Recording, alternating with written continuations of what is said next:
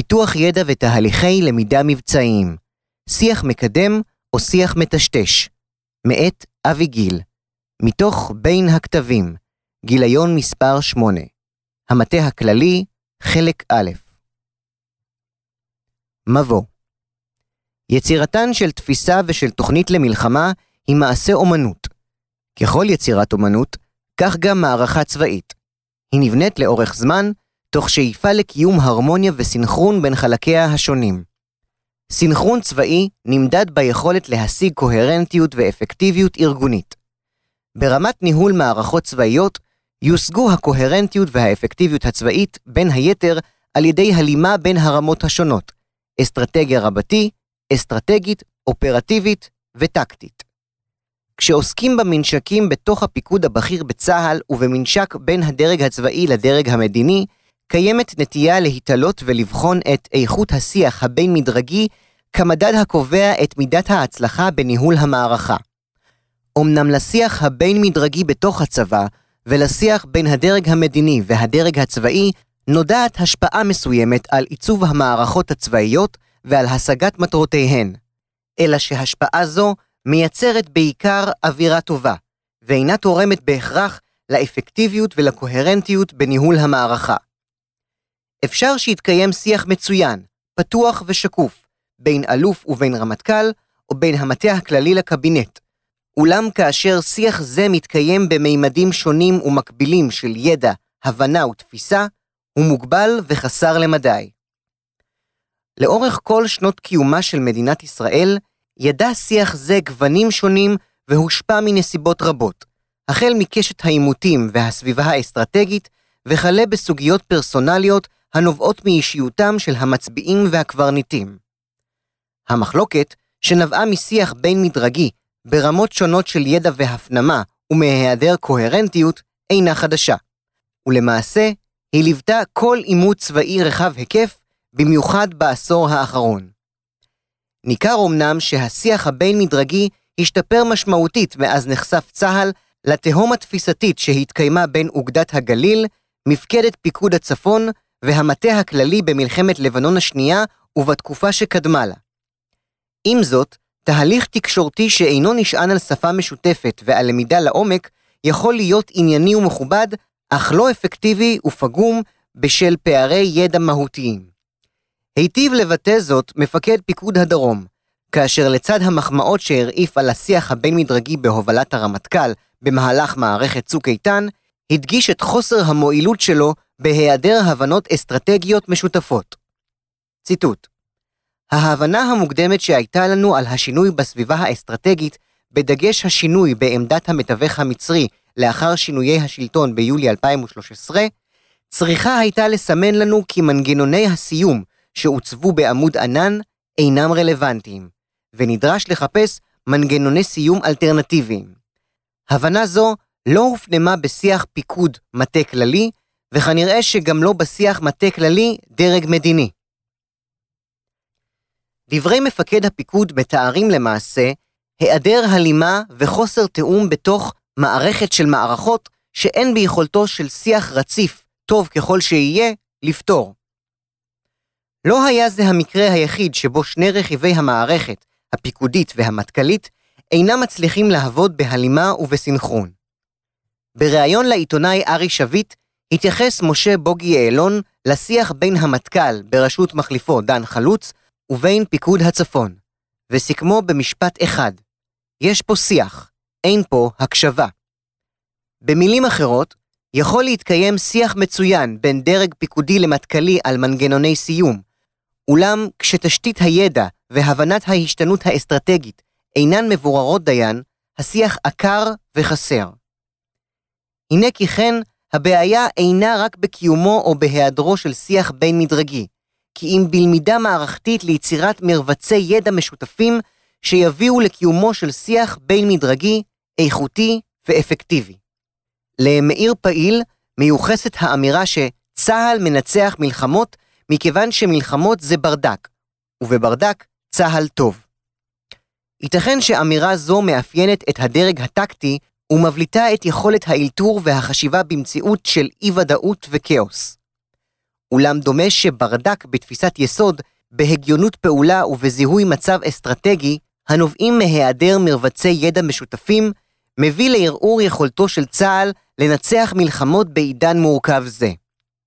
המתבונן בהשתאות פעם אחר פעם על היחסים שבין הדרג הצבאי לבין הדרג המדיני ועל היעדר הבסיס המשותף בנושאים מרכזיים בניהול מערכות, מוטב לו לחפש את שורשי חוסר הסנכרון וההתאמה בתוך הפיקוד הבכיר של צה"ל.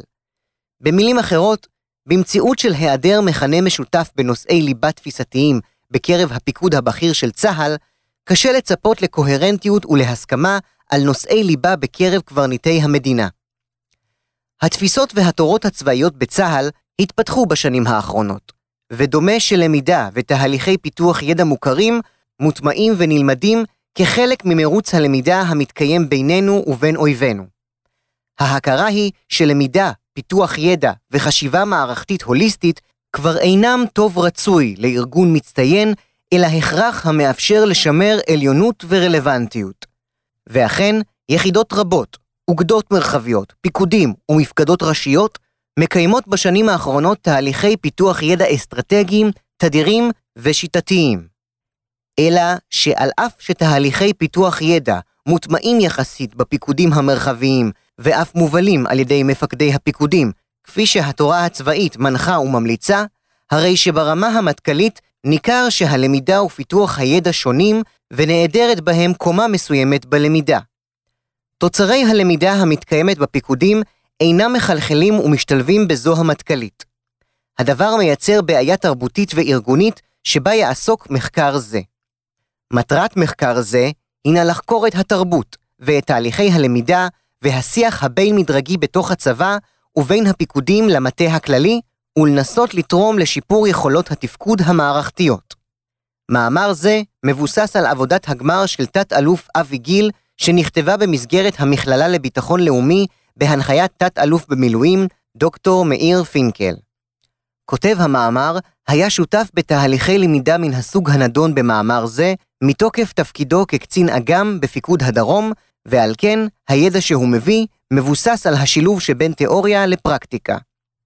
עבודת הגמר התבססה על מגוון רחב של מקורות, בהם ספרות תיאורטית, מסמכים צבאיים, מחקרים צבאיים, ראיונות אישיים ועוד.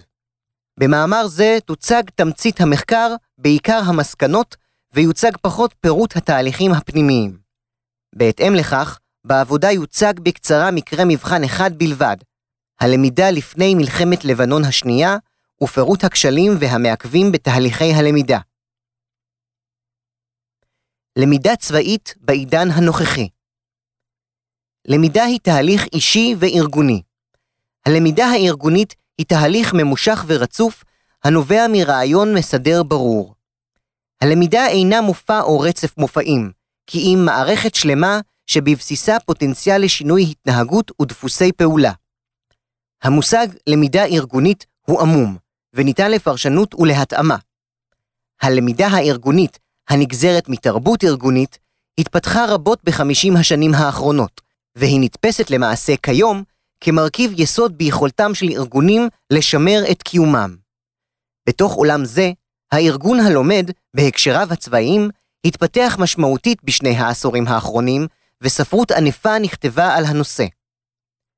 בעבר עסקו רבות בשאלות של למידה ארגונית, אולם זו נתפסה כחלק מתרבות של תכנון ודקדקנות בפרוצדורות הצבאיות. למידה ארגונית מטבעה היא מאתגרת ומורכבת. להבדיל מלמידה אישית, שבה הפרט מוצב במרכז, בלמידה הארגונית יש ללמידת הפרט השפעה משמעותית על הארגון, אולם אין די בכך. מאחר שמדובר במערכת וביחסי גומלין בין כלל מרכיביה, הרי שנדרשת למידה משמעותית בכל אחד ממרכיבי הארגון. במערכת מורכבת אין די בכך שהמנהיג ילמד, ואין למידה ללא למידת המנהיג.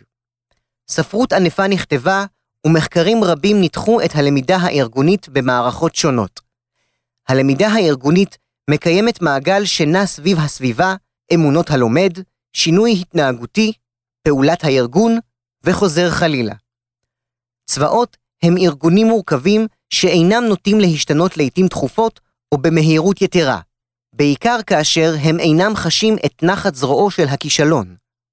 תהליכי למידה, חשיבה ופיתוח ידע אמיתיים ועמוקים, המערערים את הנחות היסוד של הפרט ושל הארגון, מביאים לחילוקי דעות משמעותיים ומהותיים, שדיון עמוק בהם, ולעיתים אף הכרעה בין דעה כזו לאחרת, יביאו לרמת תיאום גבוהה יותר ויקטינו את מורכבותה. מכאן שהצורך בדיון מקצועי בהתפתחות הלמידה הוא קריטי, ואין בכך חידוש. דומה שכל מנהל זוטר וכל מערכתן צבאי יודעים לספר כיום על חשיבות הלמידה בעידן של שינויים. השאלה המשמעותית העומדת בפני כל מנהל ומצביא אינה האם נדרש שינוי או האם נדרשת למידה, אלא כיצד לעשות זאת באפקטיביות תוך רתימת כלל המערכת ללמידה ולשינוי. קושי זה מביא לעיתים קרובות לכישלונם של ארגונים צבאיים המקיימים תהליכי למידה, אך דבקים באסטרטגיות ובטקטיקות שהועילו להם בעבר, גם כשהסביבה המבצעית השתנתה, ומוצאים עצמם מאבדים את היתרון היחסי אל מול אויב דינמי. מימד הלחימה הבין-מדרגית בין הפיקודים לבין המטה הכללי הינו רחב מאוד ותלוי במשתנים רבים, אישיים, ארגונים ותרבותיים. תהליכי הלמידה, פיתוח הידע והתכנון המבצעיים בצה"ל, בעיקר אלו המתרחשים ברמות שבין הפיקודים למטה הכללי, מתבצעים לרוב ללא למידה משולבת ומשותפת, כפי שקורה בתהליכי תכנון בתוך הפיקוד ברמת הפיקוד והאוגדה.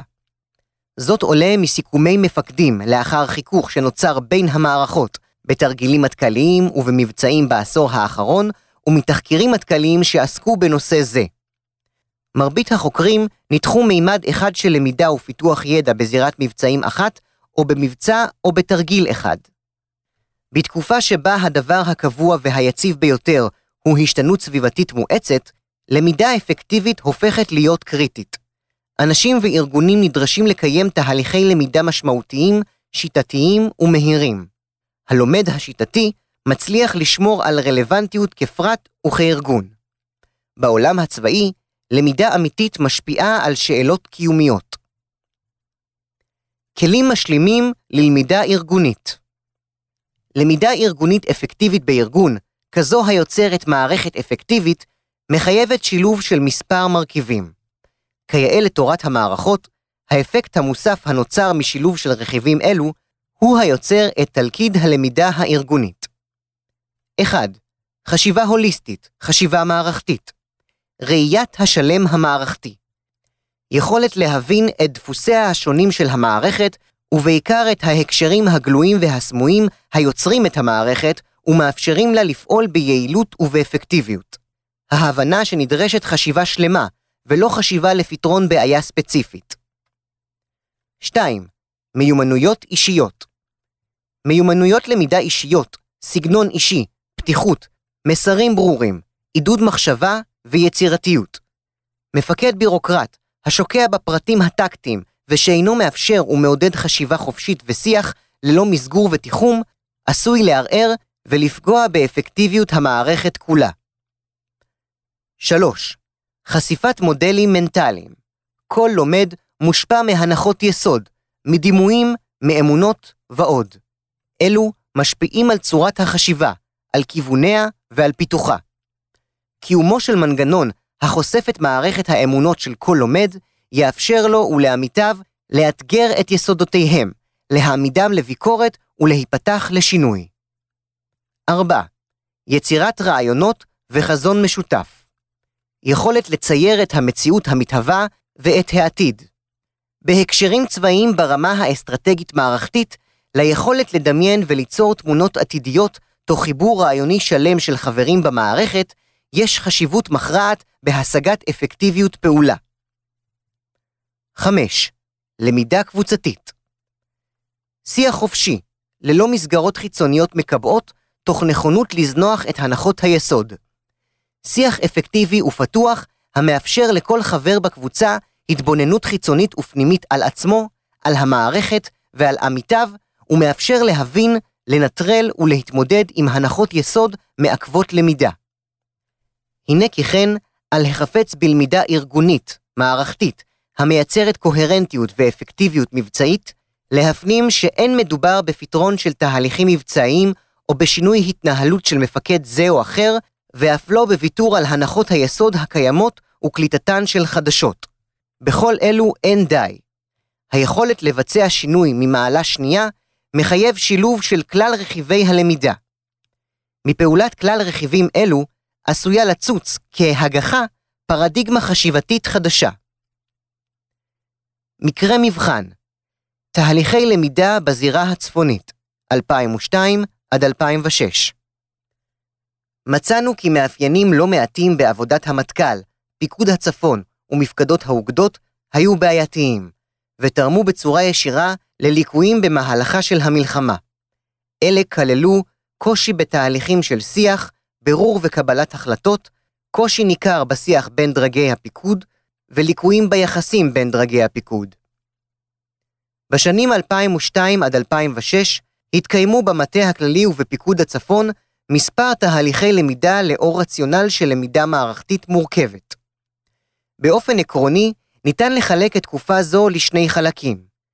חלק ראשון של התקופה היה בעת שבה הרמטכ"ל היה רב-אלוף משה בוגי יעלון, ומפקד פיקוד הצפון היה אלוף בני גנץ. וחלק שני היה בעת שבה הרמטכ"ל היה רב-אלוף דן חלוץ, ומפקד פיקוד הצפון היה אלוף אודי אדם. בתקופה הנדונה, הטמיע המרכז לחקר תורת המערכה, המלת"ם, בצה"ל, את הלמידה המערכתית. הציע שיטות למידה שהלמו את מורכבות התהליכים, ועמד על הצורך המשמעותי ביותר בלמידה מערכתית, המוביל כלומד. לפי תפיסה זו, מוטלת על המפקד החובה להוביל את תהליך הלמידה ולהיות חלק ממנו. ללא שותפות כלומד, לא תתקיים למידה. גישת המלת"ם צמחה על קרקע פוריה.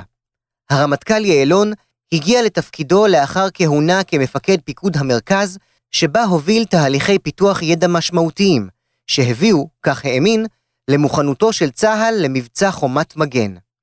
יעלון ביקש למצב עצמו כרמטכ"ל באופן שונה, ובניגוד לקודמיו שהתרחקו מליבת העשייה, החליט להוביל את מרבית תהליכי פיתוח הידע. לאור הבנתו את חשיבות למידת המנהיג, השקיע יעלון זמן רב בהכנות למפגשי החשיבה ובדיוני החשיבה עצמם. גישת הרמטכ"ל ללמידה באה לידי ביטוי בסדרת מפגשים שקיים בפיקוד הצפון בחציון השני של שנת 2002.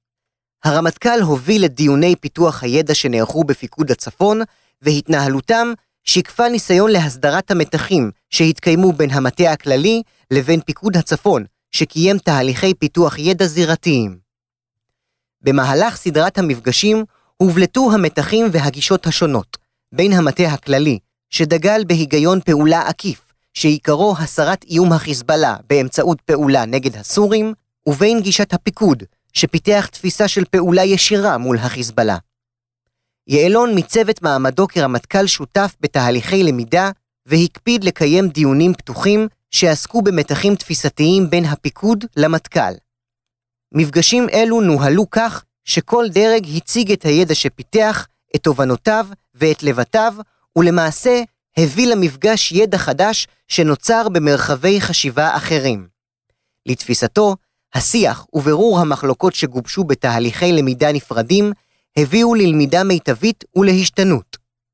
בתקופת יעלון שונה התמהיל הקיים בין דיוני הערכת המצב המטכ"ליים ובין פורומי החשיבה והעיצוב, והושם הדגש על דיוני החשיבה. יעלון מיסד קבוצות חשיבה שונות, לרבות צוות חשיבה, צוות אלטרנטיבי, שנועדו לבחון ולתקף את הרעיונות ואת תוצרי צוותי החשיבה שהוביל. במקביל לתהליכי פיתוח הידע המטכ"ליים, התקיימה בפיקוד הצפון, בהובלתו של האלוף בני גנץ, שורת דיונים שעסקה בפיתוח ידע ובחשיבה מערכתית. גנץ הקים צוותי חשיבה בהשתתפות מטה הפיקוד, מפקדי האוגדות ומפקדי החטיבות, ועוזר הרמטכ"ל לענייני חשיבה ששימש מחבר, קונקטור, בין התהליך המטכ"לי לבין התהליך הפיקודי. תהליכי פיתוח הידע הפיקודיים שולבו במפגשים עם הדרג המטכ"לי ועם הרמטכ"ל, ונעשה מאמץ להביא ליצירת ידע משותף שיביא לליבון סוגיות מהותיות שבמחלוקת. באפריל 2005 חודש לפני חילופי הרמטכ"לים, יצאו הכוחות הסורים מלבנון, והפיקוד מצא עצמו מול מציאות חדשה ומתהווה בחזית הלבנונית. הקשב של הרמטכ"ל נתון היה לתכנון תהליך ההתנתקות, ובהיערכות להעברת הפיקוד לרב אלוף דן חלוץ, ועל כן הנחה את מפקד פיקוד הצפון להוביל את תהליך פיתוח הידע לאור המציאות החדשה. באופן כללי, ניתן לומר כי בתקופת יעלון וגנץ התקיימו תהליכי פיתוח ידע מטכ"לי ופיקודי בהובלת המפקדים בכל דרג, תוך קיום שילוביות פרסונלית וארגונית ושיח לליבון מחלוקות עיקריות. עם זאת, מרבית דיוני החשיבה והעיצוב נותרו ברמה של רעיונות מערכתיים, ולא הושלם המעבר בין שלב העיצוב, האסטרטגי, לשלב התכנון המבצעי, אופרטיבי, בין השפה המופשטת והמומשגת מחדש ובין השפה הצבאית בעולם הפיזי במציאות החיכוך. צוות התחקיר שהוביל מפקד אוגדה 36 לאחר מלחמת לבנון השנייה, הדגיש את הפער שנוצר בין הרמה המערכתית ותוצרי העיצוב לבין כמות התוצרים ואיכותם ברמת התכנון המבצעי. הפער המרכזי בעת הזו בא לידי ביטוי בחוסר ההכרעה בין התפיסות והגישות השונות שהתפתחו בפיקוד ובמטה הכללי ובמשמעותן האופרטיבית. לראיה, התפיסה המבצעית של צה"ל, שהתבססה על תוצרים רבים של דיוני חשיבה אלו, אושרה ותוקפא רק במרץ 2006. עוזר הרמטכ"ל לחשיבה הסביר שהיה זה מהלך מכוון שנועד לשמר גמישות מחשבתית, שתסתיים עם המעבר למצב חירום, ובהקשר מסוים למציאות המבצעית המתהווה. ואילו ראש אגף המבצעים דאז, האלוף גדי איזנקוט, טען שיש להכריע על מנת לאפשר לפיקוד להכין את תוכניותיו. בסתיו 2005 ובקיץ של אותה שנה נערכו חילופי מפקדים בצמרת המטה הכללי ובפיקוד הצפון. בחודש יוני נכנס לתפקיד הרמטכ"ל רב אלוף דן חלוץ, ובפיקוד הצפון סיים האלוף גנץ את תפקידו, ובמקומו מונה אלוף אודי אדם. למען ההגינות, יש לציין שנדרש זמן על מנת למסד תהליכי חשיבה ונדרשת התבססות בארגון. הן הרמטכ"ל חלוץ והן אדם כאלוף שירתו זמן קצר יחסית בתפקידיהם ובחינת עשייתם מוגבלת. חלוץ הבהיר מיד עם כניסתו לתפקיד שהוא מצדד בקיומם של פורומי חשיבה ופיתוח ידע. אולם, הוא לא ראה את עצמו כמוביל הלמידה. חלוץ ראה בפיקודים סוכני ידע מטעם הרמטכ"ל, מחוללי ידע זירתי ומפתחי התוכניות האופרטיביות. בתקופת חלוץ הוקמה מחלקת עיצוב המערכה באגף המבצעים. הייתה זו מחלקה שהוכפפה לאגף המבצעים ושהוקמה ביוזמתו של ראש האגף, אלוף גדי איזנקוט, בין היתר בשל הוואקום שנוצר בהיעדר מפקד לומד. מיקומה של המחלקה ומעמדה לא היו ברורים, ותוצרי הידע שפותחו לא מוצו כלל, בעיקר מכיוון שחלוץ התנתק, הלכה למעשה, מתהליכי פיתוח הידע. חברי ועדת וינוגרד ייחסו את תרבות השיח והדיון הנמוכה בצה"ל במלחמה לסגנונו הפיקודי הסמכותי והדומיננטי של חלוץ, שעיכב למידה והביא להסכמה ולדחיית מחלוקות. קודמו של חלוץ בתפקיד, יעלון, שהקפיד לייצר אווירה פתוחה ולימודית, התייחס לשינוי שחל לתפיסתו לאחר חילופי המפקדים.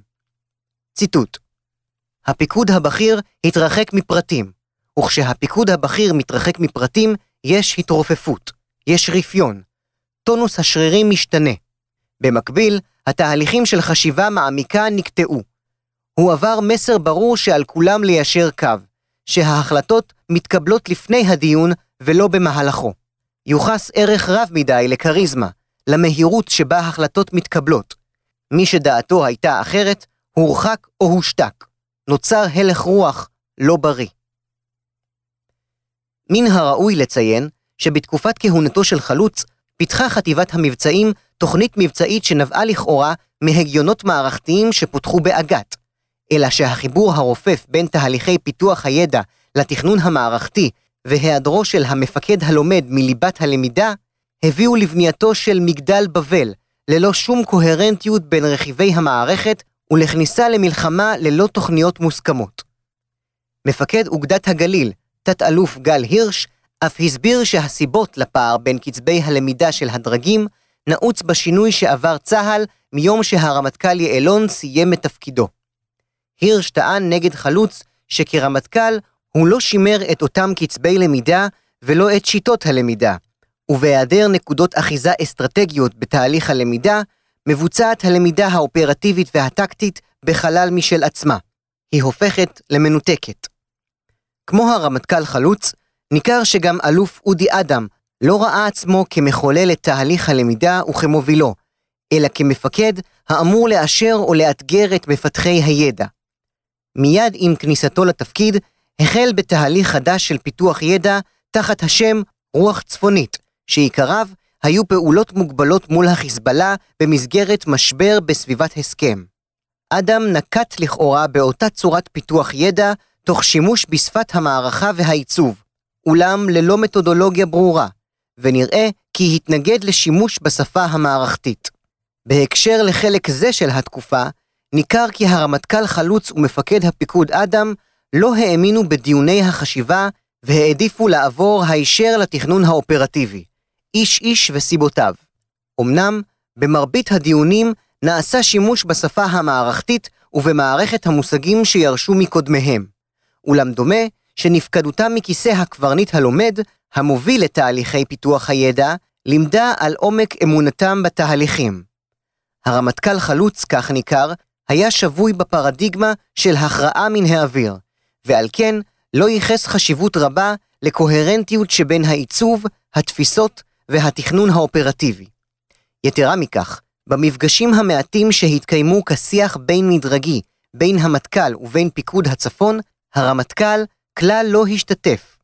עמדו על כך חברי ועדת וינוגרד בציינם שהתפיסה המבצעית שהוביל המטכ"ל, תקיפות מסיביות באש באמצעות חיל האוויר, הסתברה כבלתי הולמת דייה לנסיבות, לאויב ולזירה.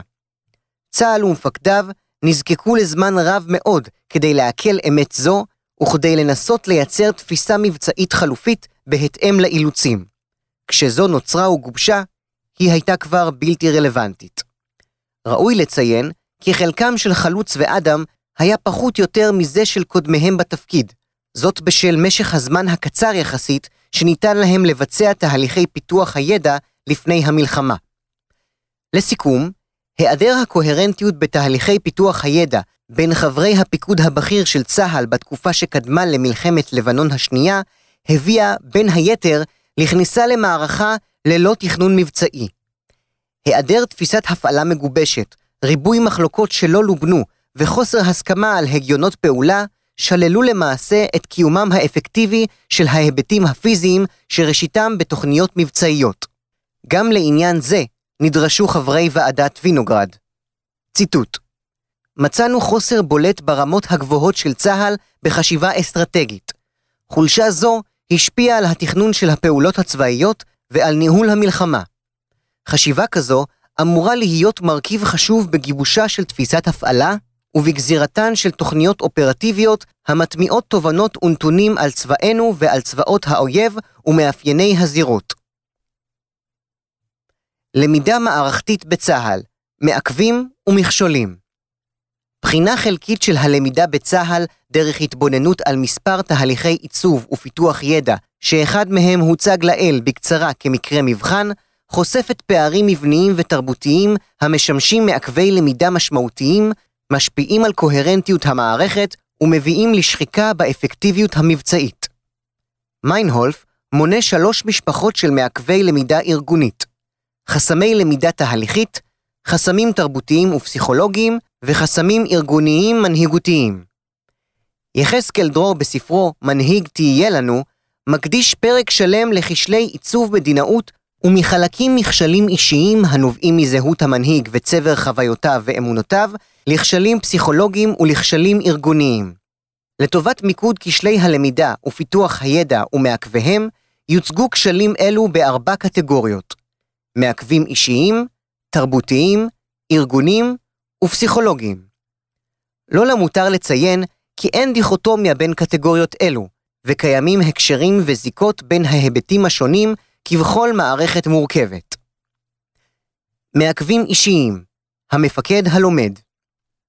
מצביעים גדולים, מנפצי פרדיגמות ופורצי דרך, היו אלו שהשקיעו בלמידה אישית ותפסוה כחיונית.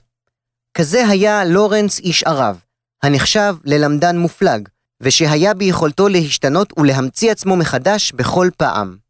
ההתפתחות המתמדת של הידע הצבאי של לורנס הונעה גם באמצעות חוויית העשייה וגם באמצעות יוזמות חשיבה. לידל הארט העיד שמעולם לא התוודע לגנרל שהשכיל לסייר או לבקר במחוזות האינטלקטואליים בהם שוטט כלורנס. ההתנסויות המעשיות והמבצעיות אפשרו לו לבחון בביקורתיות, לפתח חלופות מערכתיות, ליזום שינויים מגוונים ולשנות באופן מודע את מהלך המערכה. למעשה, טען לידל הארט שהלמידה האישית המתמדת להרחבה קבועה ומודעת של הידע הצבאי היא זו שהעמידה את לורנס במדרגה העליונה באומנות המלחמה והאירה את מצוינותו כמצביא. לורנס יצר תיאוריה, פיתח אותה תוך כדי התנסויותיו האופרטיביות והסיק את המשמעויות על התפתחות המערכה. איני חושב שהוא ראה את הדברים בבהירות מלאה בראשית מסעו, אולם במהלך תנועותיו המבצעיות וחשיבתו, הוא למד והגיע להבנה מערכתית של הדברים, ציין לידל הארט. כך, וכפועל יוצא של מסע למידה מתמיד לבירור היגיון המציאות המשתנה, סתר לורנס פירק או פירש מחדש את אותן הגדרות שהוא עצמו קבע קודם. על חשיבות תהליך הלמידה שייחס לורנס ליכולתו לפעול בצורה אפקטיבית, ניתן ללמוד מהכרתו שלימוד והכרה של מנהיגיהם ואמונתם של הערבים הם הכרח, והם לא רק מונעים בעיות, אלא בעזרתם אפשר לצפות מה יהיה יחסם של הערבים כמעט לכל דבר. בבחינת תהליכי פיתוח הידע בפיקוד צפון בתחילת שנות האלפיים שהוצגו לעיל, בולטים ההבדלים בין הצמד יעלון כרמטכ"ל וגנץ כאלוף, מול חלוץ כרמטכ"ל ואדם כאלוף. יעלון וגנץ הציבו את עצמם במוקד הלמידה, הובילו בעצמם את התהליכים ועיצבו את מנגנון הלמידה, אווירה, דירקטיבה, יכולת לשנות ולהשתנות. מפקד פיקוד הדרום לשעבר עמד על חשיבות הלמידה האישית של המפקד. ציטוט: כדי לפתח ידע, אתה חייב להיות במעגל. אתה לא יכול להיות מחוץ למעגל ולפתח ידע. אתה לא יכול להבין את הניואנסים, להתחבט, להתלבט, ויותר מזה, אתה גם לא תדע ליישם אותו אם אתה לא נמצא בתוך המעגל. אני אשלח לך את כל הסטנוגרמות של כל הדיונים, אשלח לך את כל המצגות, ואפילו אשב ואעביר לך אותם. אתה לא תעבור את תהליך פיתוח הידע האישי שבסוף יש לך בין האוזניים, שביום פקודה הוא משמש לך כבסיס. מרכזיות המפקד כמוביל למידה, פיתוח הידע בפיקודים, לכאורה, חיוניות הלמידה האישית ברורה לכל. כל מפקד מדגיש את חיוניות הלמידה לארגונו, וזו מוזכרת כמעט בכל מסמך המכבד את עצמו. אלא שבתרבות שלנו בצה"ל, העיסוק בטקטיקה והלהט להתעסק בכאן ועכשיו, מביאים מצביעים להקים צוותי חשיבה ופיתוח ידע המנותקים מהמצביא עצמו. לכאורה, הם חושבים, לומדים ומפרשים, והמפקד יאשר את תוצרי למידתם. מכאן שכל תהליך למידה ועיצוב המנותק מהמפקד דינו כישלון. פתרונות דוגמת מינוי פורום חשיבה שיציג תוצרים למפקד, כפי שהתקיים בתקופתו של חלוץ כרמטכ"ל, או למידה בין רכיבי משנה במערכת ללא נוכחות ראש המערכת, לא יצליחו להביא במרבית המקרים לשינוי פעולות המפקד ולשינוי אמונותיו. ללמידה האישית של המנהיג בראש יחידתו יש כמובן השפעה ארגונית מכרעת. כששתי מפקדות מקיימות למידה נפרדת, כל אחת לומדת מנקודת המבט שלה, במימדים ובמרחבי העיסוק שלה, ומפתחת לעצמה פרדיגמות שונות. כשהמנהיג נעדר מתהליך הלמידה בארגון, כשאין למידה אישית שלאחריה חיכוך משמעותי, לא מתקיימת למידה אמיתית באותה מפקדה, ולזו יש השפעה על פיתוח הידע והלמידה המערכתית. מנגד, האתוס המנהיגותי, לא כל שכן הפיקודי, הוא של המנהיג הבטוח בעצמו והמשדר ביטחון רב, מנהיג עובר מסך. מנהיגים מסוג זה מעכבים למידה, הן ברמה האישית והן ברמת המוטיבציה בקרב חברי הארגון. למידה מחייבת פניות מחשבתית ומנטלית. מנהיגים שנוהגים לשאול תשובות ושאינם מוכנים ונכונים להתערטל מדמות המנהיג הסמכותי ולחבוש את כובע החשיבה, לא יצליחו להביא להשתנות ארגונית. בספרו הברבור השחור מתאר המחבר את אשליית ההבנה כאחת משלוש התופעות המעכבות את היכולת להתייחס לעבר וללמוד ממנו. אשליית ההבנה היא תופעה של אחת משלישיית האטימות, ופירושה שכל אדם חושב שהוא יודע את העולם סביבו. אלא שלטענתו, העולם מורכב יותר מכפי שנדמה לנו, ורוב מוחלט של נסיבות וקשרים פשוט נעלם מאיתנו. השתנות במערכות מורכבות מחייבת מנהיגות רותמת ומשתפת. מנהיג שאינו נכון לקיים דיונים פתוחים, כראשון בין שווים, תוך שמירה על סוג של צניעות פיקודית, ויחיה באשליית הבנה, משל הוא מבין הכל, יעכב למידה ויגרום לאנשיו שלא לקרוא תיגר על ידיעותיו. הרמטכ"ל יעלון התייחס לדמות המנהיג הלומד והמשתף בריאיון שהעניק ערב סיום תפקידו. ציטוט: לא הצלחתי ביצירת דמות המנהיג המשתף והמקשיב שמטפח סל מרובה מחשבות, דעות, עמדות ונקודות תצפית. המערכת הצבאית, מטבעה, מחפשת את המנהיגות הכריזמטית, הפופוליסטית, זו היודעת הכל. מפקד מנוסה, הנסמך על עברו וניסיונו, הוא בחזרת עושר שמור לבעליו לרעתו, לצערי. גם כרמטכ"ל, לא הצלחתי להטמיע כי מפקד שמתייעץ הוא מפקד משתף, שאינו נופל ביכולתו ובסמכותו מן המפקד היודע הכל. ואכן ניכר שכרמטכ"ל וכמפקד פיקוד, תרם יעלון לנכונות פקודיו לקיים למידה משמעותית, בעיקר מכיוון שנהג להגיע לדיוני החשיבה מתוך צניעות מנהיגותית ורצון כן להיפתח ללמידה, מחד גיסא, ולשמר את מערכת הפיקוד והשליטה ההיררכית מאידך גיסא. מעכבים תרבותיים לתרבות של עם ושל צבאו נודעת השפעה על דרך הלמידה ואיכותה. ישראליות מתאפיינת בתכנון קצר מועד, בתרבות של הערכת מצב מתמשכת ובריבוי התרבויות ותת-התרבויות בחברה הישראלית ובצה"ל. כל אלה, בנוסף על קצב החיים בישראל, המביא לרצון להספיק הכל כאן, מהר ועכשיו, מעכבים תהליכי פיתוח ידע ועיצוב חיוביים, המאופיינים בחשיבה שמעבר לאופק ובחשיבה לטווח רחוק. תבניות החשיבה בצה"ל, כבכל מערכת של מערכות, נגזרות ונובעות מצורת וממבנה תהליכי החשיבה. F בשלישית, Function Follow Form. הצורה שבה בוחר המנהיג, במקרה זה המצביא הצבאי, לקיים את תהליכי הלמידה ביחידתו, משפיעה כמובן על מימדי החשיבה ותוצריה. מדובר בעניין תרבותי ולא רק בעניין צבאי. באופן כללי, בתרבות המערב, מרבית הרעיונות מעוצבים על ידי ויכוח, אלא שעל פי רוב, הוויכוח מתועל ומוכתב. איש איש נכנס עם דעותיו ואמונותיו. אחד המשתתפים מציג את הרעיונות והמידע, וכל השאר מנותבים ומשתתפים עד לגיבוש פשרה או לסיכום המנהל או המפקד. מרבית הדיונים מתנהלים כך. זוהי תמצית התרבות הארגונית בצה"ל. בתרבות היפנית, לעומת זאת, מייצרים ומקבלים החלטות באופן שונה. נכנה זאת מערכת פתוחה. הרעיונות מבצבצים כשתילים מטופחים הגדלים ולובשים צורה. בדיונים רבים שתכליתם ליצור ידע ולפתחו, מתקיים סיעור מוחות פתוח וחופשי, תוך התנתקות מקומית מהיררכיה וסמכות. כל משתתף מציג את רעיונותיו בדרכים חופשיות ועצמאיות, ללא סדר דוברים קבוע. תפיסת האדם מוכוונת להבנת העולם באמצעות דימויים והתנסויות שלמות. בדיונים סגורים, דוגמת הערכות המצב ועבודות המטה המתנהלות בצורה לוגית וקבועה, משתמשים בגשטלטים, צורות, בתבניות ובסכמות קבועות של חשיבה הממסגרות ומתחמות את גבולות החשיבה. מדובר בארגז כלים של תיאוריות פעולה ארגוניות המקבע תבניות קוגנטיביות שאותן קשה עד בלתי אפשרי לפרוץ.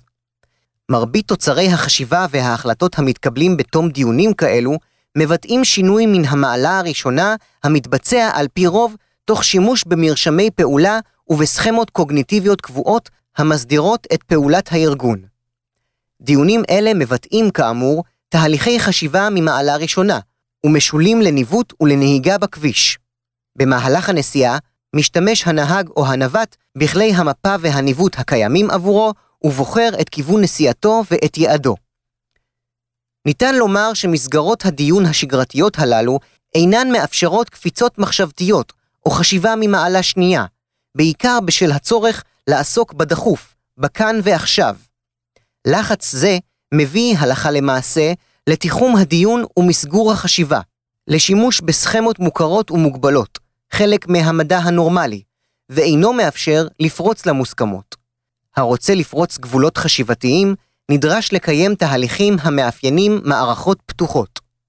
בניגוד לקיום תהליכי חשיבה מסורתיים אלו, ניכר שבהטמעת תהליכי העיצוב ופיתוח הידע בצה"ל, טמון פוטנציאל משמעותי לשינוי תרבותי. יש לציין שתהליכי חשיבה, בוודאי אלו ששבו והתפתחו מאוד בשנים האחרונות בצה"ל, מאפשרים למידה ממעלה שנייה, קפיצות מחשבתיות וגיבוש פרדיגמות חדשות, תוך נטישת אלו שנתפסו כבלתי רלוונטיות. בהשוואה לדיונים הסגורים, הרי שמערכות ידע פתוחות אלו מאפשרות להפליג בחשיבה ולצאת מתבניות מקובלות. בתהליך זה עוסק הקברניט במיפוי מפות, ולא מסתפק עוד בניווט אל היעד. דיוני הערכת המצב וישיבות שבהם מוצגות עבודות המטה הצה"ליות הם למעשה מערכת סגורה ומוגבלת של למידה, וניכר שאלו מבטאים עיסוק מוגבר בניסיונות ליצור שליטה במצב. התרבות הצבאית מתאפיינת בניסיונות אינסופיים לשלוט במצבים אשר במהותם השליטה בהם מוגבלת, ולכן מרחבי הדיון מוגבלים, וכך גם החשיבה מתוחמת, על פי רוב, לנושאים שעל הפרק. אמנם יש בדיונים אלה קצינים השוברים את המסגרת, יוצאים ממנה ומנסים לפתח רעיונות וכיווני חשיבה שונים. אולם לרוב, ניסיונות אלו לא צולחים, ותיחום הנושא מלכתחילה מחד גיסא, וסיכום המפקד מאידך גיסא, מקבעים את המסגרת החשיבתית. אחד ממפקדי האוגדות בעבר, ששירת גם כקצין שריון ראשי, וחקר מטעם מחלקת מדעי ההתנהגות בצה"ל את תרבות החשיבה הצבאית של מפקדי העתיד, טען במאמר שעסק בקונפורמיות צבאית, שבצה"ל מתקיימים מעט מדי דיונים פתוחים וסיעורי מוחות, על אף שהם אמצעים חשובים לקידום החשיבה ולטיוב התוצרים. לשיטתו, יש להנחיל תרבות של דיון אמיתי ופתוח, שכן החשיבה הסדורה המתקיימת בתהליך הערכת המצב היא חשיבה שטחית, שאינה מאפשרת התמודדות עם מערכות מורכבות ומאתגרות.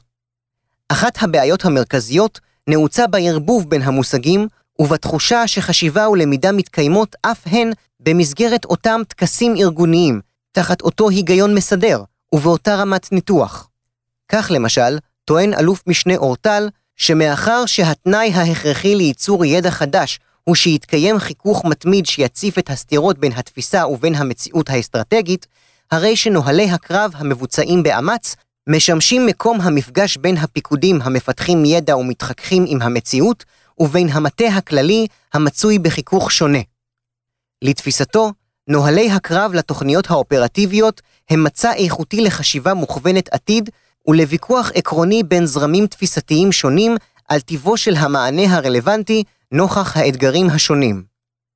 אורטל מוסיף וקובע שסביב התכנון האופרטיבי מתפתח שיח בנוגע לפערים לא פתורים בין התפיסה הצה"לית ובין הסביבה הצה"לית. גישה זו מציגה תמונה חלקית ואינה משקפת את מרבית הדיונים על התוכניות המבצעיות. דבריו של אורטל משקפים אמנם את השיח סביב התוכניות האופרטיביות ברמה שבין הפיקוד ובין האוגדות, אולם בכל הקשור לשיח בין המטה הכללי ובין הפיקודים, מתקיים לרוב שיח שמתמקד בסופו של דבר באורכו של החץ הכחול ובעומקו. במילים אחרות, בדיונים סביב תוכניות אופרטיביות עוסקים לא מעט בהספקי תקיפות המטרות ובכיווני החצים, ולא בשאלות יסוד, דוגמת תפיסות לגבי המתח שבין התמרון והאש, או בפתרון מחלוקות מהותיות.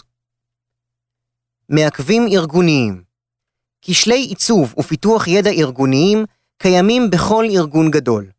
בצה"ל, ארגון צבאי המצוי במלחמה או בהתכוננות למלחמה, יש לכשלים אלה מאפיינים נוספים המעצימים את פוטנציאל הנזק העלול להיגרם בניהול מערכות צבאיות, קוהרנטיות ואפקטיביות.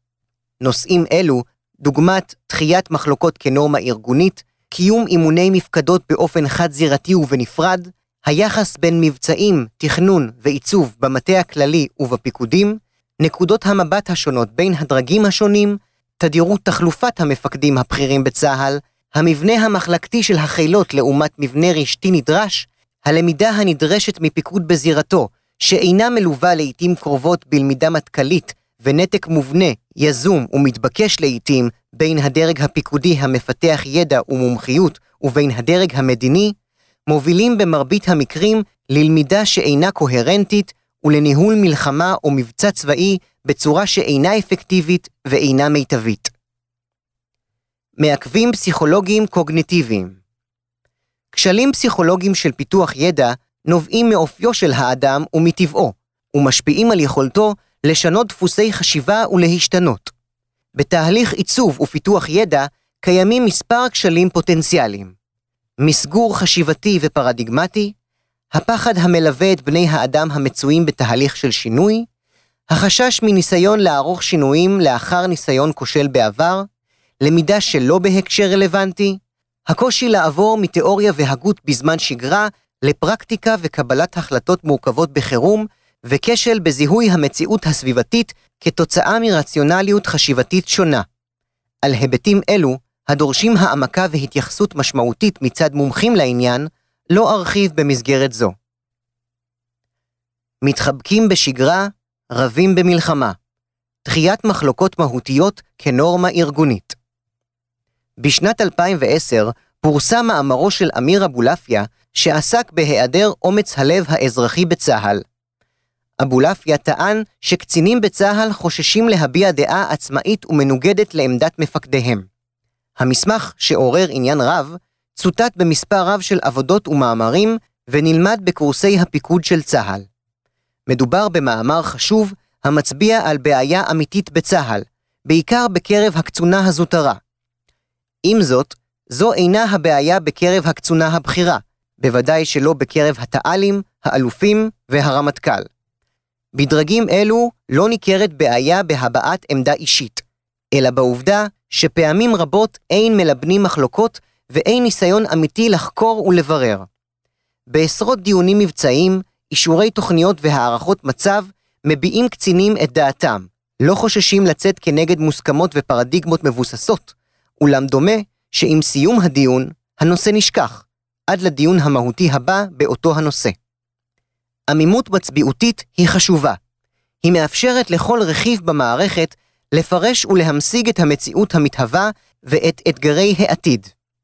עם זאת, אחת שסומנו נושאי ליבה חיוניים, הן נושאים תפיסתיים והן נושאים תכנוניים פיזיים במחלוקת, מן הראוי לבוחנם. היכולת לקיים למידה אמיתית ולהביא לשינוי התנהגותי מחייבת להשקיע יותר ולעבוד על החלקים הקשים. כישרון והבנה בלבד אינם מביאים לקפיצות מחשבתיות ולשינוי בהתנהגות. נדרש חיכוך בין תפיסות, מחשבות ואסכולות שונות.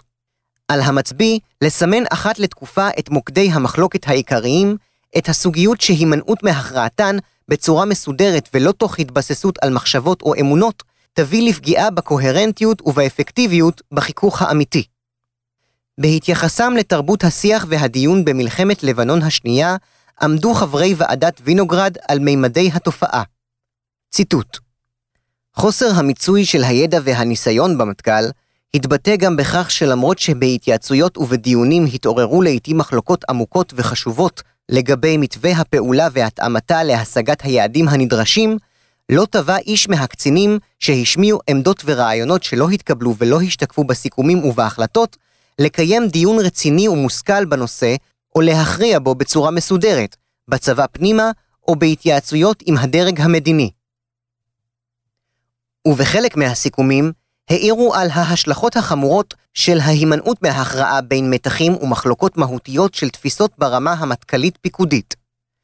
ציטוט: כפי שראינו, התגלו פערי תפיסות ומתחים בממשק בין המטכ"ל ופיקוד הצפון כמעט מתחילת הלחימה.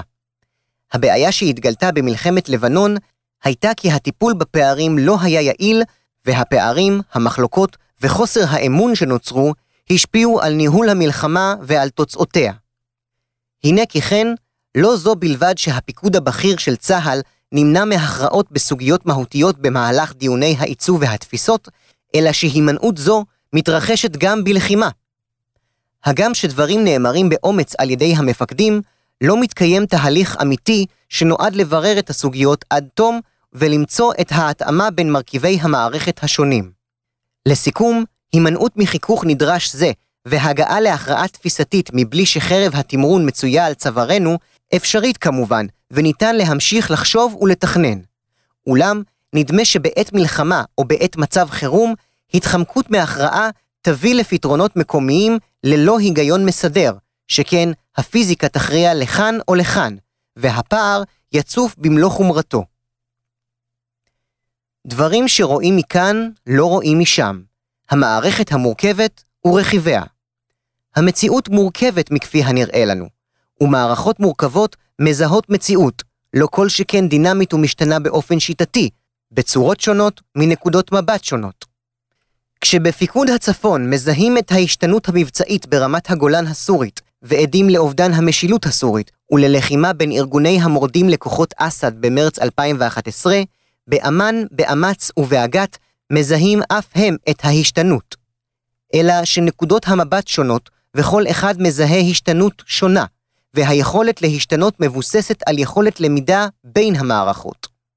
כשבפיקוד הצפון לומדים את השינוי ומנסים להבין את משמעויות הספר ברמת הגולן, במטה הכללי ובזרועות השונות מזהים כבר הקשרים מבצעיים שניתן להעתיק מהמציאות שהתפתחה במרחב סיני למרחב רמת הגולן. המטה הכללי מסוגל לגבש תובנות ותוצרי למידה מבצעיים שגובשו בדרום ולנסות להכילם בצפון. הדבר תלוי ביכולת להביא לרצון מפקדים בפיקוד הצפון ללמוד מניסיונם של אחרים. יתרה מזאת, כשפיקוד מרחבי מקיים תהליך עיצוב ופיתוח ידע, על מפקד הפיקוד להבין כי הוא מפתח ידע מנקודת מבט פיקודית, ולא מטכ"לית. הוא אינו מטה כללי, והוא אינו יכול להיות מטה כללי. בתהליך פיתוח ידע שהחל בפיקוד הדרום בחודש מאי 2013, נקבע שהתהליך יובל על ידי מפקד פיקוד הדרום וייעשה מתוך נקודת הראות המטכ"לית. כלומר, התבוננות כוללת על כלל המאמצים הצבאיים, תוך חשיבה על הממשק עם מאמצים נוספים ועל האופן בו אלו משרתים יעדים לאומיים. הגדרה זו היא בעייתית, שכן הפיקוד אינו יודע ואינו צריך לדעת להיות מטה כללי. בלמידתו של המערכת, הוא מוגבל ביכולתו לראות שיקולים אסטרטגיים וכאלו הקשורים לאסטרטגיה רבתי, בחירות בארצות הברית והשפעתן על עזה, תהליכים חברתיים עולמיים ועוד. עליו לייצר את הידע ולפתח חשיבה, שתהווה קומה או זווית נוספת במערכת כוללת של ידע מתהווה. ההשתנות המהירה והדרמטית מביאה עימה זווית נוספת המשפיעה על המערכת. במציאות הנוכחית מזהה הפיקוד המרחבי, לעיתים קרובות, את השינויים מהר יותר מהמטה הכללי. בעבר, שינוי בסוריה או במצרים היה מתחיל כשינוי אסטרטגי בהתהוות מסוימת, שכיוון הפעולה שלה במרבית המקרים מלמעלה, משטר, שליט, למטה. צבא, עם. במציאות המתהווה, בעיקר בחמש השנים האחרונות בזירות ספר כרמת הגולן וסיני, הפיקודים מזהים בשטח את השינויים המתהווים על ידי שבטים, ארגונים, כמעט ללא ידיעת ושליטת הממשל. את הביטוי המרכזי לכך ניתן היה למצוא בהתבטאויות ציניות, לכאורה בהלצה, שהפיקודים רק מפריעים למטה הכללי לעבוד. הנה כי כן, יש להכיר בכך שהתהוות בוטום-אפ מחייבת שינוי והתאמת מקום הפיקוד בלמידה המטכ"לית ולמצוא בצורה אמיתית את השילוביות הנדרשת היוצרת את אותה הגחה, את אותו ערך מוסף הנוצר מלמידה משותפת. סיכום והמלצות למידה ארגונית היא נושא מורכב וסבוך, המחייב נכונות פיזית ומנטלית, ומורכב מהיבטים מנהיגותיים, תרבותיים, פסיכולוגיים ועוד. ההבנה שמדובר במערכת מורכבת, למידת מרכיביה וחסמיה, חיונית לשם בחינתה בהקשרים צבאיים ומבצעיים, ומהווה שער לחקירת התהליכים בצבא. לפני כעשור, לאחר פרישתו מצה"ל, התייחס הרמטכ"ל יעלון לחשיבה, פיתוח הידע והלמידה בצה"ל. ציטוט נדמה לי שהכישלון המרכזי שלי הוא באי הצלחתי לשנות את אופן החשיבה הצהלי. שאפתי להכניס את הצבא לתרבות שמתבססת מחד גיסא על נוהלי חשיבה מסודרת, ומאידך גיסא שתהיה בארגון גם חשיבה פרועה, ספקנית וביקורתית.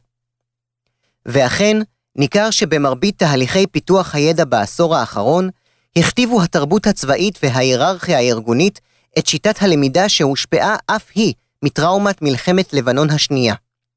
למעשה, תהליך עיצוב הכרוך בחשיבה מופשטת, בהמשגה חדשה ובפריצת גבולות, נכרך עם שפת המערכה, והודחק לנוכח עליית השפה של התיאוריה ויישום הטקטיקה הצבאית. כך למשל, נשמרה היררכיה ארגונית. הפיקוד למד ופיתח ידע עבור המטה הכללי. ידע זה עבר, לכאורה, למטה הכללי בדיונים על תוכניות אופרטיביות, לרוב בוויכוח סביב התכלית האסטרטגית, ולא בכדי, ולא פותח מעבר לכך. לכאורה, כשהפיקוד הוא מפתח הידע הבלעדי בזירה שלו, המטכ"ל מפתח תלות בפיקוד, ולמעשה מחפש משמעות. אלא שהמציאות מורכבת יותר. המטה הכללי נדרש לקיים תהליך פיתוח ידע רב-זירתי ופיתוח ידע לזירות השונות בהקשר רב-זירתי, והמפקדות והפיקודים נדרשים לפתח ידע זירתי או זרועי בהתאמה. רק לאחר שהמטכ"ל יאתגר את הפיקוד והפיקוד יאתגר את המטכ"ל, יתפתח ידע חדש. רק מתוך הלמידה החדשה, האישית בכל ארגון ושל כל ארגון, יגיח ידע חדש. דבריו של משה יעלון, שהוזכרו לעיל, נכתבו לפני כעשור ושיקפו את המצב לאשורו. אולם עם זאת, דומה שהצבא מצוי בראשית תהליך של שינוי ארגוני ותרבותי בכל הקשור לפיתוח הלמידה והחשיבה המערכתית. כיום מתרחשים תהליכים שיש בהם פוטנציאל להעמיק את הלמידה המשותפת וליצור לכידות ארגונית, כגון גישת מפקדים המקדמת את הלמידה, שיח משופר בין הפיקוד למטכ"ל, מיצובו של מרכז דדו בתהליכים, הכשרת מפקדים בכירים בתחום ועוד. תהליכים אלו מעידים על היווצרות אווירה מעודדת ומייצרת למידה, ועל הזדמנות אמיתית להטמיע שינוי משמעותי בלמידה המערכתית בצה"ל. ובכל זאת, נותרה לצבא כברת דרך משמעותית בשיפור תהליכי הלמידה המשותפים ובהשלמתם. דומה שהתבוננות על חוסר יכולתו של צה"ל להטמיע שינוי בלמידה המערכתית ולהתמיד בכך לאורך זמן, עשויה ללמד על הסיכונים והכשלים העלולים לעכב התקדמות זו ואף לסכלה. אין פתרון פשוט לבעיות מורכבות. הצעה של פתרונות בית ספר ואמונה שניתן באמצעות מספר הנחיות לסדר את המערכת, תהיה הצעה שסותרת למעשה את כל המוצג בעבודה זו ותהווה למעשה סטייה מובנית מהיגיון החשיבה המערכתית. המאמר עסק בלמידה מערכתית, בין שתי מערכות מורכבות ופתוחות, הפועלות פעמים רבות במימדים וברבדים שונים של עיסוק ומתוך נקודות מבט שונות. ברור אפוא שעל ההמלצות להיות מותאמות לאופי המורכב של המערכות, ולא לנסות להציע רק פתרונות פשוטים, שכן אלו יביאו במקרה הטוב לשיפור בשיח, אך לא בלמידה המשותפת, ובוודאי שלא לשיפור באפקטיביות המבצעית. כך למשל, המלצה על למידה משותפת וקבועה של מטה כללי ופיקודים אינה בת יישום, נוכח הדיסציפלינות השונות בין המדרגים וכאילוץ של זמן שלא ניתן להתעלם ממנו, וסביר להניח שהתוצאות ייוותרו כבעבר. על אף היריעה הרחבה שבה עסק המאמר עד עתה, נבחר למקד את ההמלצות בשתי סוגיות בלבד. למידה מטכ"לית בהובלת המפקד.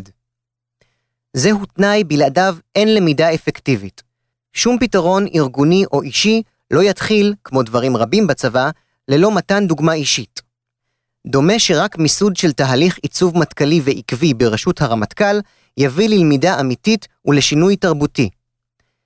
מסמך אסטרטגיית צה"ל שפורסם באוגוסט 2015 איננו עוד מסמך צה"לי, שכן הדומיננטיות של הרמטכ"ל בגיבושו בלטה בכל תהליך ההטמעה. הרמטכ"ל הוביל את תהליך הלמידה שקדם לכתיבתו. הוא מזוהה עם המסמך, ועל כן ברורה חשיבותו לכל צה"ל.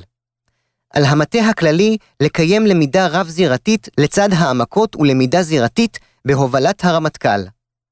בדומה לאופן שבו הרמטכ"ל וחברי המטה הכללי מקיימים סדנאות רבות בעיסוק בבניין הכוח, נדרש לקיים סדנאות זהות בכל הקשור ללמידה ולהפעלת הכוח. מיסוד מנגנון הבניית הסכמות וברור מחלוקות.